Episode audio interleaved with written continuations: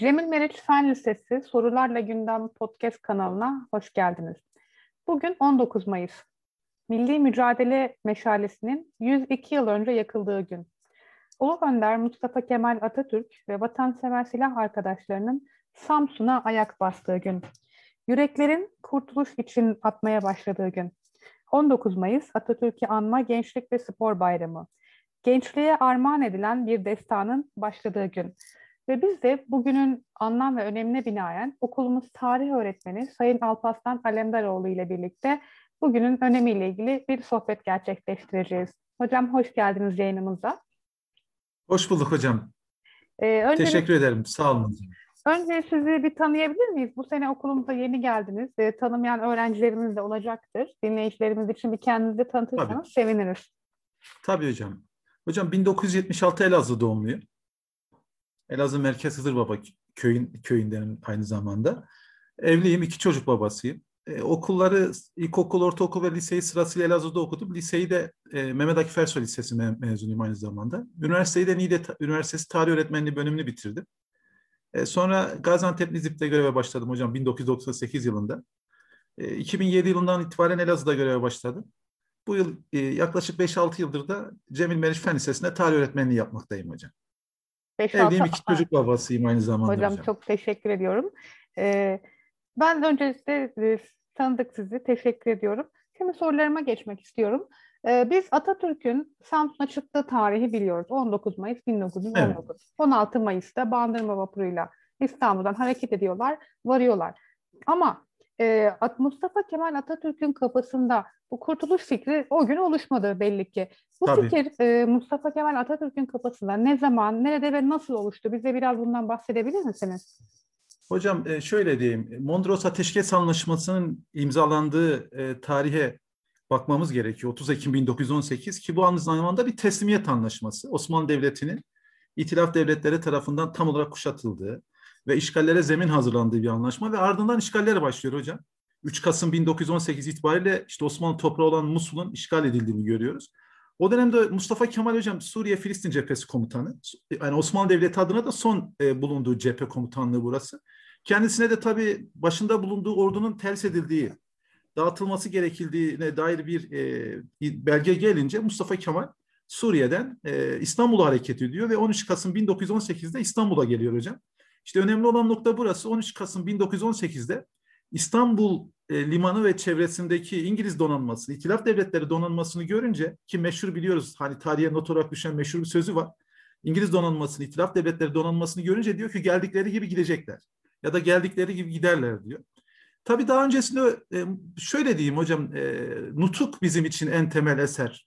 Nutuk'a baktığımız zaman Mondros Ateşkes Anlaşması'nın imzalanmasından hemen sonra e, gerek Anadolu'da işte ortaya çıkan hani nasıl kurtuluruz çarelerin arandığı bir ortamda Mustafa Kemal de sizin dediğiniz gibi İstanbul'a geldikten hemen sonra kısa bir süre sonra kurtuluş çareleri arıyor.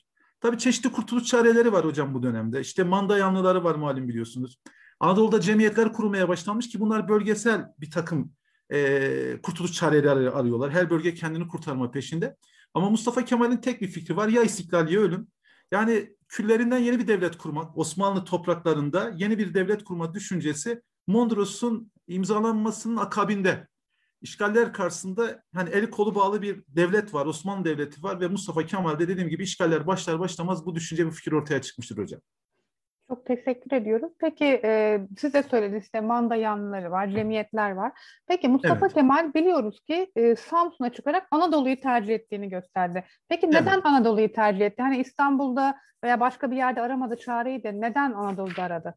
Hocam şimdi e, İstanbul belki fiilen bir işgal altında değil ama İstanbul'da bir İngiliz donanması var. İstanbul bir kontrol altında ve İstanbul hükümetinin başında o dönemde bir İngiliz yanlısı e, bir damat Ferit Paşa var. Damat Ferit Paşa hükümeti var ve bunlar İngiliz himayesi veya da mandası istiyorlar. Yani bu işin e, çıkış yolu e, Siney bir nevi hani şöyle diyeyim Anadolu'ya geçmek. E, ilerleyen e, dönemlerde nutukta da görüyoruz Siney millete yani halktan destek almak. Mustafa Kemal Türk milletinin e, kararlılığını, bağımsızlık ülküsünü e, çeşitli e, savaşlarda gördü zaten. Yani daha önce Trablusgarp'ta bunu gördü, işte vatan ve millet sevgisini işte Çanakkale'de gördü.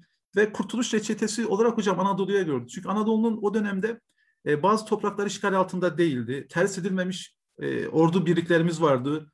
Kendisini destekleyecek ordu komutanlarımız vardı. Ve bu yüzden Anadolu'yu tercih etti. Anadolu'ya geçerek buradan bir milli mücadele hareketi başlatmayı düşündü diyeyim hocam. Evet aslında sıradaki... İstanbul, tabii hocam bir de şöyle, e, biz geçen haftalarda bir okuma yapmıştık. E, sahnenin dışındakiler diye Ahmet Hamdi Tanpınar. Bu roman aynı zamanda milli mücadele ile ilgili bir romandır. Bu romanın önemli bölümlerinden birinde İstanbul'daki aydınların işgaller karşısındaki kayıtsızlığını anlatır. Yani şöyle diyeyim, İstanbul aydınlarının büyük bir kısmı e, şöyle işgaller karşısında kayıtsız hatta bazıları manda yanlısı olanlar bile var. O Anadolu insanının hani bağımsızlık ülküsünü gerek Çanakkale'de görmüş gerek diğer cephelerde gördüğü için hocam e, sahnenin dışında tuttuğu an İstanbul aydınıdır. Sahnenin içinde yani milli mücadelenin merkezine koyduğu hocam Mustafa Kemal'in Anadolu halkıdır. Anadolu halkının bağımsızlık ülküsüdür ve bunu daha önce hani dediğim gibi gördüğü için Anadolu'yu tercih etmiştir hocam. Evet anladım. Hocam o orada bir kitap adı söylediniz aslında. Ben onu bir daha söylemenizi rica edebilir hocam, miyim? Ee, Ahmet Hamdi, için. Tabii. Ahmet Hamdi Tanpınar'ın hocam sahnenin dışındakiler. Ahmet Hamdi Tanpınar hocam milli mücadeleyi e, dolaylı olarak anlattığı önemli bir eser. Türk Edebiyatı'nın da önemli bir ismi. Aynı zamanda hocam milli mücadeleyi anlatan bu dönemde bizzat birinci kaynak olarak kabul edilen e, eserler de var. Mesela öğrencilerime önereceğim Yaban, e, Küçük A. Hani malum biliyorsunuz bizim çocukluk yıllarımızda TRT'de dizisi de çekilmişti. Evet. E, Kuvayi evet. Milliye'yi anlatan. E, yine Halide Edip Adıvar'ın Türk'ün Ateşten İmtihanı, Ateşten Gömlek bu romanları öğrencilerimiz okuyup e, milli mücadeleyi böyle birinci kaynaktan öğrenebilirler. Aynı zamanda Nutuk e, milli mücadelenin hocam anlatıldığı bir temel eser. Yani 1920'ye kadar milli mücadelenin evet. ve yenilikler sürecinin anlatıldığı önemli bir eser. Onları da okumalarını te- tavsiye ederim hocam. Evet, e, Nut'u özellikle her Türk gencinin okuması gerekir. Bunu, Tabii hocam. Buna katılıyoruz. E, bir de bu verdiğiniz kitap önerileri aslında şu anlamda çok faydalı bence e, tarih kitabı okumayı aslında gençler e, çok sevmiyorlar. Ben öyle gözlemliyorum. Bilmiyorum siz nasıl evet. gözlemliyorsunuz.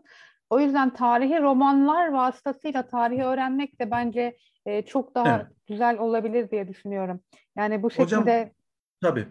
Fahri Rıfkı'nın özellikle Mustafa Kemal'in bizzat yanında bulunmuş önemli bir edebiyatçı. Onun e, Çankaya ile ilgili Çankaya. yani Atatürk'ün çevresinde yaşamış önemli bir edebiyatçı. Onun da eserleri okunabilir. Hı hı. Bizzat e, Atatürk'le ilgili çok önemli de bilgiler birinci elden bize veriyor hocam. Çok teşekkür ediyorum. Aslında ben şunu soracaktım size. İşte Samsun'a çıkmadan önce Anadolu'da ve İstanbul'da durum nasıldı diye.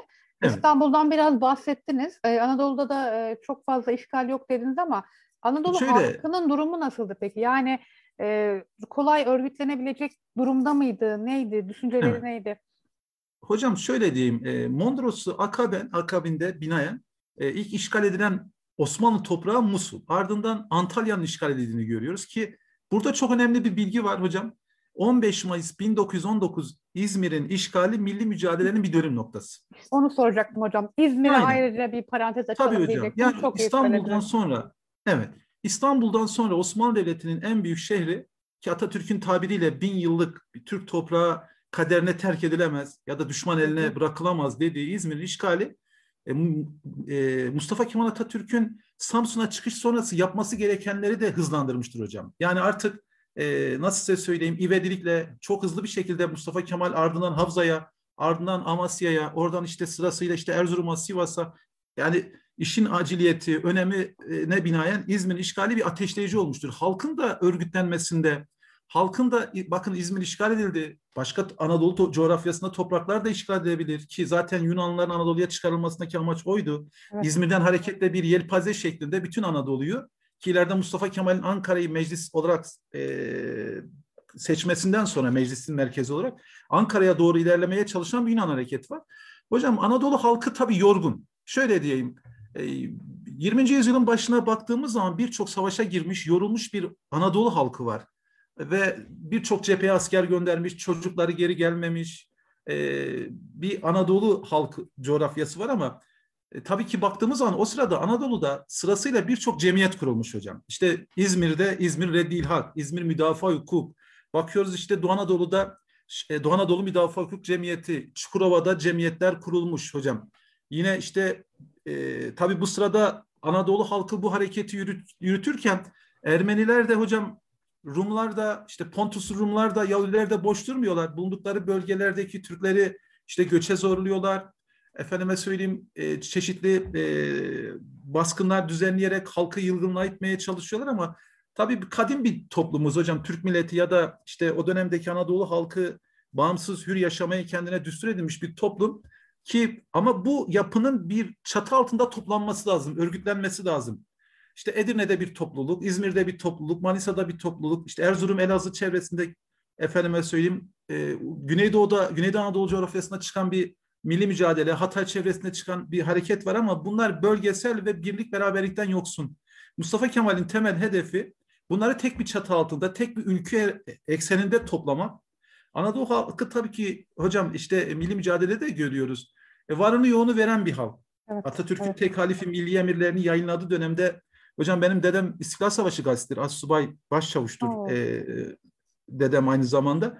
O tek halifi milli emirlerini e, toplamakla görevlendirdiği sırada Elazığ çevresinde halkın Mustafa Kemal Paşa'ya ya da milli mücadele hareketine destek vermek için kadınların kollarındaki bilezikleri ve küpelerini böyle kulaklarından koparırcasına işte memleket kurtulsun, vatan kurtulsun diye hani verdiğini e, bizzat nakletmiş bir dedenin de torunuyum hocam ben. Yani, yani bir e, İstiklal evet, Savaşı evet. gazetesi torunuyum. Dedem de bizzat hani bunu bize anlatırdı. 80'li yıllarda dedemden de bizzat nakletti. Dinledim hocam. Halk her türlü fedakarlığı yapacak ama e, şöyle diyeyim e, bir lider bekliyor hocam. Bir rüzgar bekliyor. Hani bayrağın esmesi için bir rüzgar gerekli ya işte 19 evet. Mayıs günü Anadolu Anadolu toprakları bir rüzgarla buluştu, bir liderle buluştu hocam. İstanbul'dan hareket eden 16 Mayıs 1919 gibi günü Samsun'a çıkan Mustafa Kemal beklenen rüzgardı. Beklenen bağımsızlık ateşini ateşledi diyeyim hocam. Evet, iyi ki geldi ve büyük bir esaretten kurtulmamız evet. için bir başlangıç meşalesi oldu. Tabii. Peki e, Samsun'a çıktı. Ondan sonra Anadolu'da, Anadolu'da ve İstanbul'da ne tür hazırlıklar yapıldı bu mücadele Hocam, için? Tabii şimdi şöyle diyeyim e, Mustafa Kemal Atatürk'ün İstanbul günlerine bir dönmemiz gerekiyor. Yani Samsun'a gelmeden önce 6 aylık yani o bahsettiğim e, başlangıçta Suriye'den İstanbul'a geldiği dönemde Kasım 13'ten 1919 Mayıs 16 Mayıs'a kadar ne yaptı 6 aylık dönemde? Malum biliyorsunuz annesi ve kız kardeşiyle birlikte kalıyordu İstanbul'da. Hı hı. Ama bu hareketi sürdürmek için her gün evinde genç subayları ağırlıyordu hocam. Yani Mustafa Kemal e, milli mücadele hareketini e, teşkilatlandırmak, yönlendirmek için İstanbul'da her gün evinde genç subayları, genç kurmayları, aydınları ağırlıyor, kurtuluş çareleri hazırlıyordu.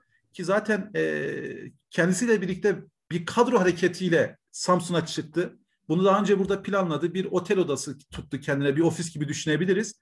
Ve burada Anadolu'ya geçmeden önce ön hazırlıkları tamamlayıp padişahla görüşüp Samsun'a çıkabilecek bir görev, bir makam aldı hocam. Yani İstanbul'dan Samsun'a gidebilmesi için, Anadolu'daki milli mücadeleyi başlatabilmesi için bir görev gerekliydi. Kendisinden önce işte Kazım Karabekir'in e, Anadolu'ya geçtiğini ki Samsun'a geçer geçmez Kazım Karabekir'le telgraflaşmaları vardır. Hani Kazım Karabekir de zaten kendisinin emrindeyim paşam demiştir.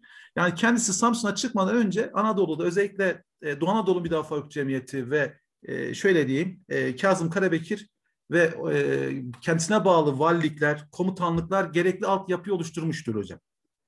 Halk evet. e, tabii ki dan önce şöyle diyeyim, oradaki e, yerel e, yönetim ve ordu komutanlıkları zaten 9. Ordu Müfettişliği göreviyle Mustafa Kemal'in görevine verilecek ve Mustafa Kemal de Samsun'a geçtikten sonra bu birliklerle birlikte hareket edip milli mücadeleyi başlatacaktır. İstanbul günlerinde tabii ki e, Yıldız Sarayı'nda Vahdettin'le görüşmesi vardır hocam. Vahdettin'le görüşüp e, Mondros'un e, tabii ki ne kadar ağır bir anlaşma olduğunu anlatmış bizzat. Tabii bunu yine görüyoruz. Vahdettin'i Sultan Vahdettin'i ikna etmiştir bu konuda ve kendisi tabii e, Samsun'a çıkış görevi hocam. E, malum biliyorsunuz bölgede Doğu Karadeniz'deki Pontus Rumlarla çatışan Türk kuvvetlerinin Türk ya da halkının elindeki silahları toplayıp e, yerel çatışmaları önleyip halkın birbirini kırmasını önlemek ve aynı zamanda Türklerin gösterdiği tepkiye binaen hocam Mondros'un 7. maddesine göre Anadolu toprakları işgal edilebilirdi. İşgallere halkın göstereceği tepkiler işgallere zemin hazırlıyordu ve buna dair bir madde var. Hani Çok Türk tehlikeli bir madde. Evet. Aynen işgal devletleri güvenliklerini tehlikede gördükleri yerleri işgal edebileceklerdi. Bu yüzden Mustafa Kemal itidalli davrandı. Samsun'a çıkar çıkmaz hemen kafasındaki diğer hani milli mücadeleyi başlatma fikrini ortaya atmadı ve bir rapor hazırladı hocam Samsun'da. Bölgedeki Türk halkının hani e, Pontus Rumlarla yaptığı çatışmalarda asıl e, suç unsurunun Pontus Rumlarda olduğunu, onların Türk halkını tahrik ettiğini ki Mustafa Kemal Hocam Samsun'a çıkmadan bölgeye Samsun'a yaklaşık 200 kişilik bir İngiliz işgal yani bir nevi öncü bir işgal kuvveti gelmişti. Yani Samsun'da çok güvenli bir liman sığınak değildi. Mustafa Kemal Samsun'da çok kısa bir süre kalıyor zaten biliyorsunuz. 25 Mayıs günü hocam oradan Havza'ya, oradan Damasya'ya geçecek. Samsun da işgal edilebilirdi. Ee, baktığımız zaman yani her yer işgal edilebilirdi. Mustafa Kemal burada kendisine soruyorlar zaten. Hani Samsun'a çıkarken tek başına ya da yanında 18 kişi vardı. 18 tane subay vardı hocam. Kime güveniyordun, güveniyordun sorusuna halkıma güveniyordum diyordu. Yani onların o güvenini halkın halka duyduğu güveni zaten hocam yani daha önce de söylediğim gibi çeşitli cephelerde Mehmetçiğin gözünde görmüştü. Evet, Öyle diyeyim evet. hocam. Evet çok teşekkür ediyoruz hocam. Bir de e, Samsun'a gidenler 18 kişiydiler demiştiniz. Aynen. Bu ekipte kimler vardı ve Samsun'da nasıl karşılandılar? Evet. Hocam şimdi hani e, şöyle birkaç ilginç bilgi vereyim dedim hı hı. önce. Bandırma vapuruna baktığımız zaman hocam 41 yıllık bir vapur. 41 yıllık İngilizler tarafından yapılmış bir vapur. 48 metre uzunluğunda hani içerisinde e, tabii bir mürettebatı var. E, baktığımız zaman İsmail Hakkı Durusu Bey bu geminin komutanı hocam. Yani daha doğrusu e, kaptanı. Yine geminin mürettebatına binaen geminin hani daha doğrusu vapurun hareket etmesini sağlayan bir mürettebatla birlikte 18 kişilik bir e, kurmayla gitti. Bunlardan en önemlisi mesela Refet Bele'yi görüyoruz hocam. E, Albay Kazım Diri'yi görüyoruz. E, mesela ünlü doktorlardan e, dok, Doktor Refik Saydam hani hastane ismi olarak da sık duyduğumuz evet. medya, televizyondan da duyduğumuz bir isim. Hüsrev Gere de var mesela hocam önemli. Ki Refet Bele milli mücadelede ki Amasya Genelgesi'ne imza atan önemli isimlerden biri. Ve bunun yanı sıra kendisinin yanında emir eri olarak kendisine işte yaverlik yapan 18'e 18 kişilik bir ekiple buraya hareket ediyor. Hocam 16 Mayıs günü Samsun'a hareket eden gemi 18 Mayıs günü Sinop limanına yanaşıyor ve burada Sinop valisini buraya indiriyor. Yani bir de bir Sinop valimiz var. Bir de bunun hmm. yanında 5 kişilik bir sivil bir yolcu var. Yüze yakın mürettebat daha doğrusu. Gemi e, Rauf Orbay e, deri, e, daha Bahriye Bakan olacak daha sonra. E, daha önce daha doğrusu.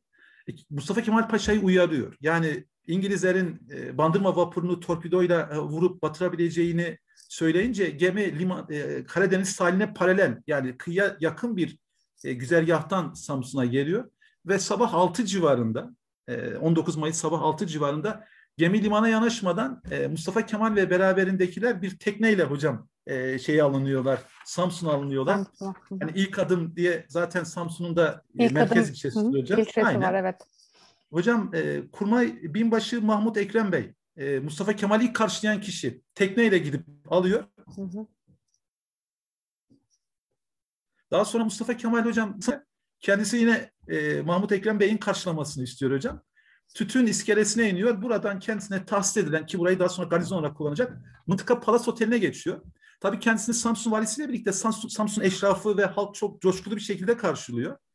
Ee, tabii Mustafa Kemal hemen öyle e, çok itidalli hareket ediyor. Çünkü dediğim gibi Samsun'da bir İngiliz kuvvetleri var. Böyle hemen milli mücadeleyi başlatacağım deyip de hemen harekete geçmiyor.